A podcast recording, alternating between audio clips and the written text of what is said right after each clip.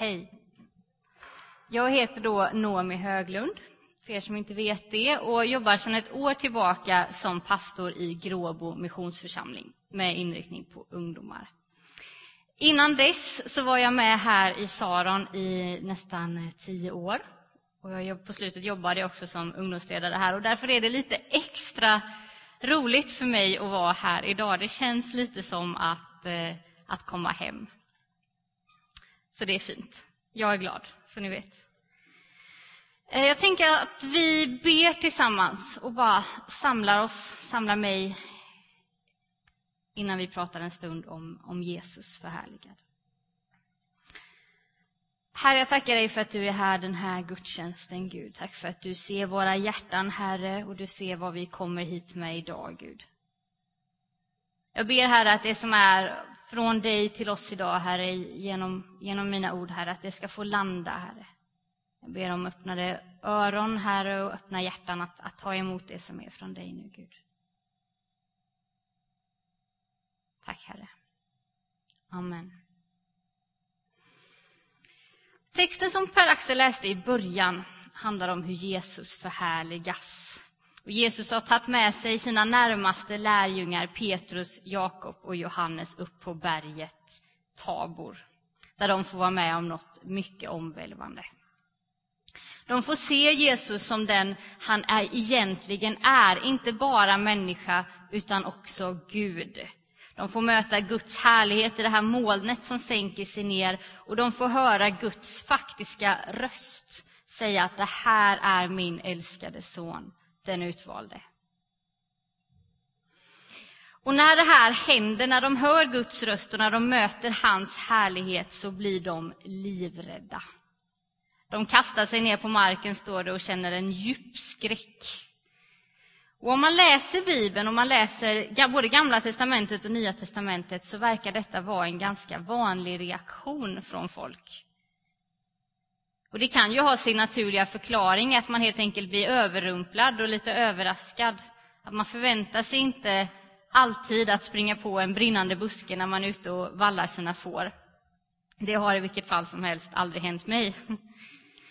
Men jag tycker mig kunna se en annan förklaring också. Eh, och jag skulle vilja att ni går med mig, ni som har biblar eller röda biblar, att ni går med mig till Andra Mosebok kapitel 33, vers 18-22, Och det är för er som har röda biblar på sidan 74.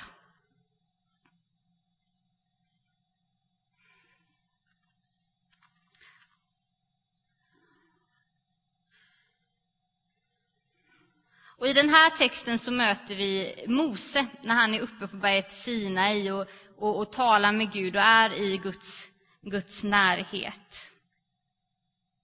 Och Gud har precis sagt till Mose att jag, jag gör vad du ber mig om. Liksom. Du har min, min gunst och du står mig nära, så, så be om vad du vill och jag gör det. Mose sade, låt mig få se din härlighet. Herren svarade, jag ska låta min höghet och prakt gå förbi dig och jag ska ropa ut namnet Herren inför dig. Jag ska vara nådig mot den jag vill vara nådig mot och barmhärtig mot den jag vill vara barmhärtig mot. Han fortsatte. Mitt ansikte kan du inte få se, ty ingen människa kan se mig och leva. Sedan sa Herren, här bredvid mig finns en plats, ställ dig här på den klippan. När min härlighet går förbi ska jag ställa dig i en klyfta i berget och skyla dig med min hand tills jag gått förbi. Då ska jag ta bort min hand och du ska se mig på ryggen, men mitt ansikte får ingen se. Ingen kan se mig och leva. När Gud skapar människan så skapar han människan in i en relation med honom. Det är vår utgångspunkt, vårt ursprung. När Adam och Eva skapas så är det liksom, de lever i en relation med Gud, de umgås med Gud i lustgården. Men genom att de beslut, har beslutet att vända sig från Gud, att bryta mot det enda bud de har fått, så blir denna närhet till Gud, denna relation, en omöjlighet. Och Det viktiga att ha med sig här och det viktiga att poängtera och att, att veta är att problematiken ligger inte i att, att Gud slutar älska människan för att hon väljer bort honom. Utan det handlar om hur hur människan ska kunna förändras, hur världen ska kunna förändras för att komma nära Gud igen, utan att förgöras av det som är hans helighet. Och I Gamla testamentet, i Moseböckerna, så får Israels folk olika riktlinjer och lagar och bud om hur de ska leva för att leva rätt. Vad de ska offra och när för att kunna vara så, så syndfria som möjligt. Och det var så att en enda man i Israels folk, överste prästen, fick lov att gå längst in i templet. In i det allra heligaste, där, där Gud fanns. Där Guds härlighet fanns. Ingen annan fick gå in dit. Han fick gå in dit en gång om året efter att de hade haft en lång procedur av offer för att han skulle kunna sen gå in och be för Israels folk och be om förlåtelse för folkets synd. Och han hade ett rep runt sin ena fot. Så att om han när han gick in där innanför det här tygstycket, innanför förlåten, inte var syndfri och föll ner pang död, så skulle de kunna hala ut honom. För ingen kunde ju gå in och hämta honom. Och det låter makabert och det låter lite sjukt. Men det är så det är med Gud, att Gud, i närheten av Guds härlighet så förgås allt det som är synd, allt det som är ondska. Ingen kan se mig och leva. Därför får inte heller Mose se Guds ansikte, för då skulle han dö. Och Paulus skriver i Romarbrevet att syndens lön är döden. Att alla har vi syndat, alla du och jag, och gått miste om härligheten. Det är faktum. Det är något oundvikligt. Synden finns i oss, i människan. Och jag behöver bara gå till mig själv för att se att det är så. Jag ska inte peka ut någon av er, utan kan titta på mig istället.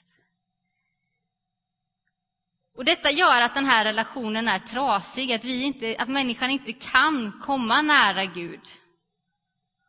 Och för att råda bot på det här för att, att, att människan och världen ska kunna förändras så kommer då Jesus Kristus och dör i vårt ställe på ett kors. Och Det står i evangelietexten att när han dör så brister den här förlåten, det här tygstycket som, som avskilde det allra heligaste i templet, det öppnas för att vägen till Gud nu är öppen för alla människor. Hela skapelsen och mänskligheten och du och jag får dö tillsammans med Jesus och uppstå tillsammans med Jesus till ett evigt liv. Gud har sträckt ut sin hand och vi kan ta den. Det är vårt val. Men i det här mötet med Gud så reagerar det som är synd i oss, det som är fel i oss, det som fortfarande är trasigt i vår natur reagerar. Och det kan bli väldigt obekvämt. I ljuset av Guds renhet, helighet och godhet så ser vi vilka vi egentligen är. Vi ser all vår otillräcklighet, all vår ondska, ser hur smutsiga våra tankar och våra hjärtan är. Ser alla våra fel och brister. Och det här kan vara väldigt smärtsamt. Och detta gör att mötet med Gud inte alltid är bara liksom att, att sväva runt i, i någon tillvaro av kärlek och att allt känns härligt. Utan mötet kan, med Gud kan också vara smärtsamt och det kan vara obehagligt och det kan kännas obekvämt för oss. Och författaren C.S. Lewis, som har skrivit Narnia-böckerna, har också skrivit en eh, trilogi om eh, ja, en annan science fiction-trilogi om, om en, en man som reser till en annan planet. Det är väldigt förvirrat att förklara allt det, så det ska jag inte förklara hur det går till. Men han har skrivit boken Perelandra, som jag ska läsa en bit för er ur. Och I det här så beskriver han hur han själv i mötet med en Elendil som är en slags ängel, kan man säga, en del av Gud. Hur han i mötet med det här varelsen slås av en djup fruktan. Inte för att han är rädd för att den här varelsen skulle vara ond eller vilja skada honom. utan för att han märker till sin fasa att han inte tycker lika mycket om godheten som han trodde att han gjorde. Och då skriver han så här, jag kan också säga att det är ju science fiction, så han har alltså inte träffat en Elendil, de finns inte. Men han beskriver det så här i alla fall. Så länge det man är rädd för är något ont kan man fortfarande hoppas att det goda kan komma till ens undsättning. Men antag att man kämpar sig fram till det goda och upptäcker att också det är fruktansvärt. Här fanns äntligen en bit av denna värld bortom världen som jag alltid antagit att jag älskade och längtade efter och som här brutit sig igenom och framträdde inför mina sinnen och jag tyckte inte om det. Jag ville att den skulle försvinna. Jag ville att största möjliga avstånd, svalg, ridå, förhänge och barriär skulle placeras mellan den och mig själv.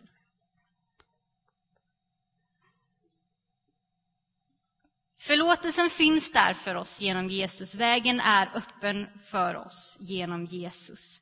Men till vår natur är vi syndiga människor. Det gör att det här mötet blir obekvämt ibland. Och det gör att i oss så väcks en impuls att fly undan det här. Att det, det blir obekvämt och då vill vi inte vara i Guds närhet längre.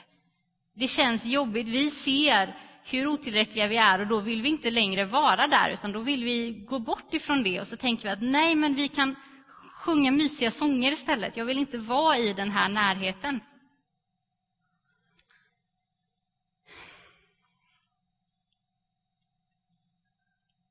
Och jag, jag tror att, att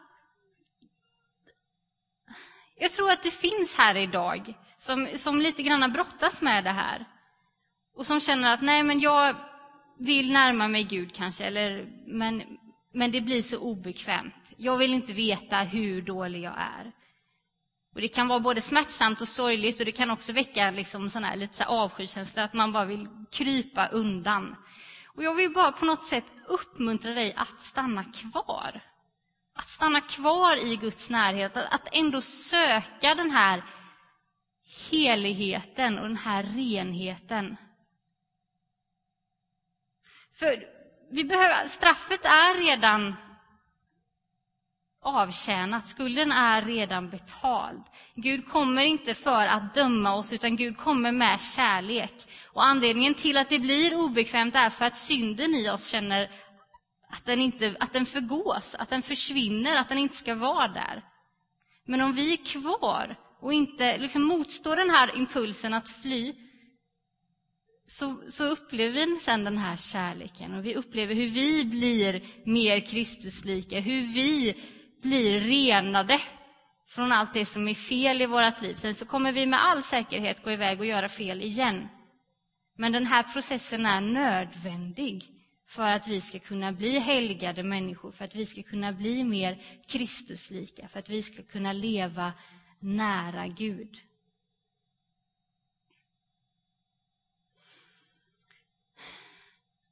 Och I den här texten, som vi läste, den första evangelietexten, berättelsen om, om Jesus och lärjungarna uppe på berget, så behöver vi ha vårt fokus på hur Jesus reagerar på att lärjungarna blir rädda.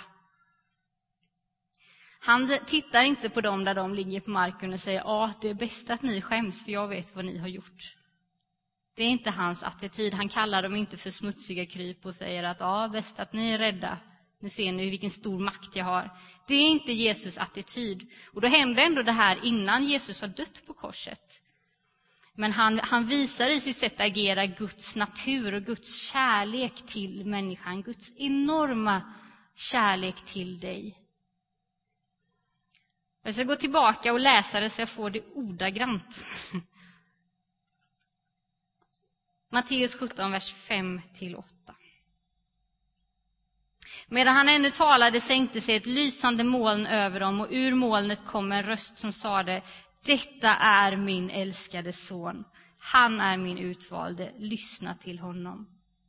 Och när lärjungarna hörde detta kastade de sig ner med ansiktet mot marken och greps av stor skräck. Och lyssna nu. Jesus gick fram och rörde vid dem och sa Stig upp, var inte rädda. De lyfte blicken och då såg de ingen utom Jesus. Jesus möter inte lärjungarna med dom. Han möter inte dem med ett stort pekfinger. Utan han går fram till dem och han rör vid dem och han tröstar dem. Och han möter dem med all Guds kärlek och säger stig upp, var inte rädda, ni behöver inte vara rädda. Ni är nya skapelser.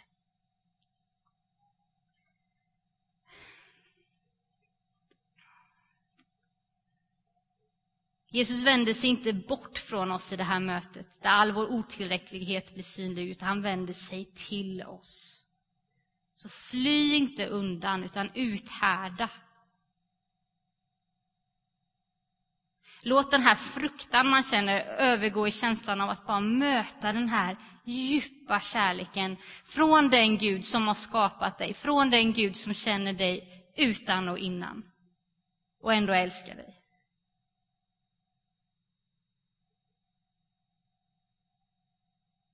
Vi ber tillsammans. Herre, jag tackar dig för att du älskar oss. Tack för din enorma kärlek. Tack för din helighet, Gud.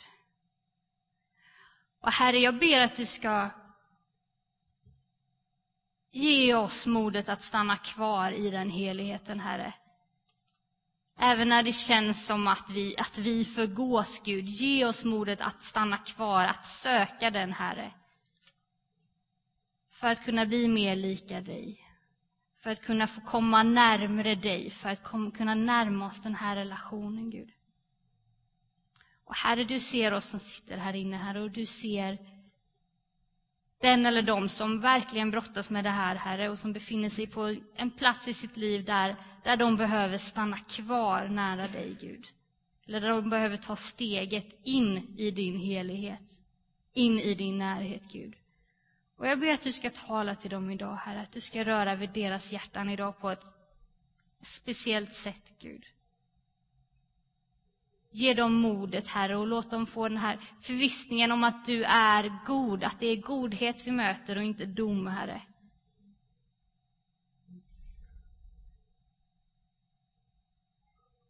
Amen.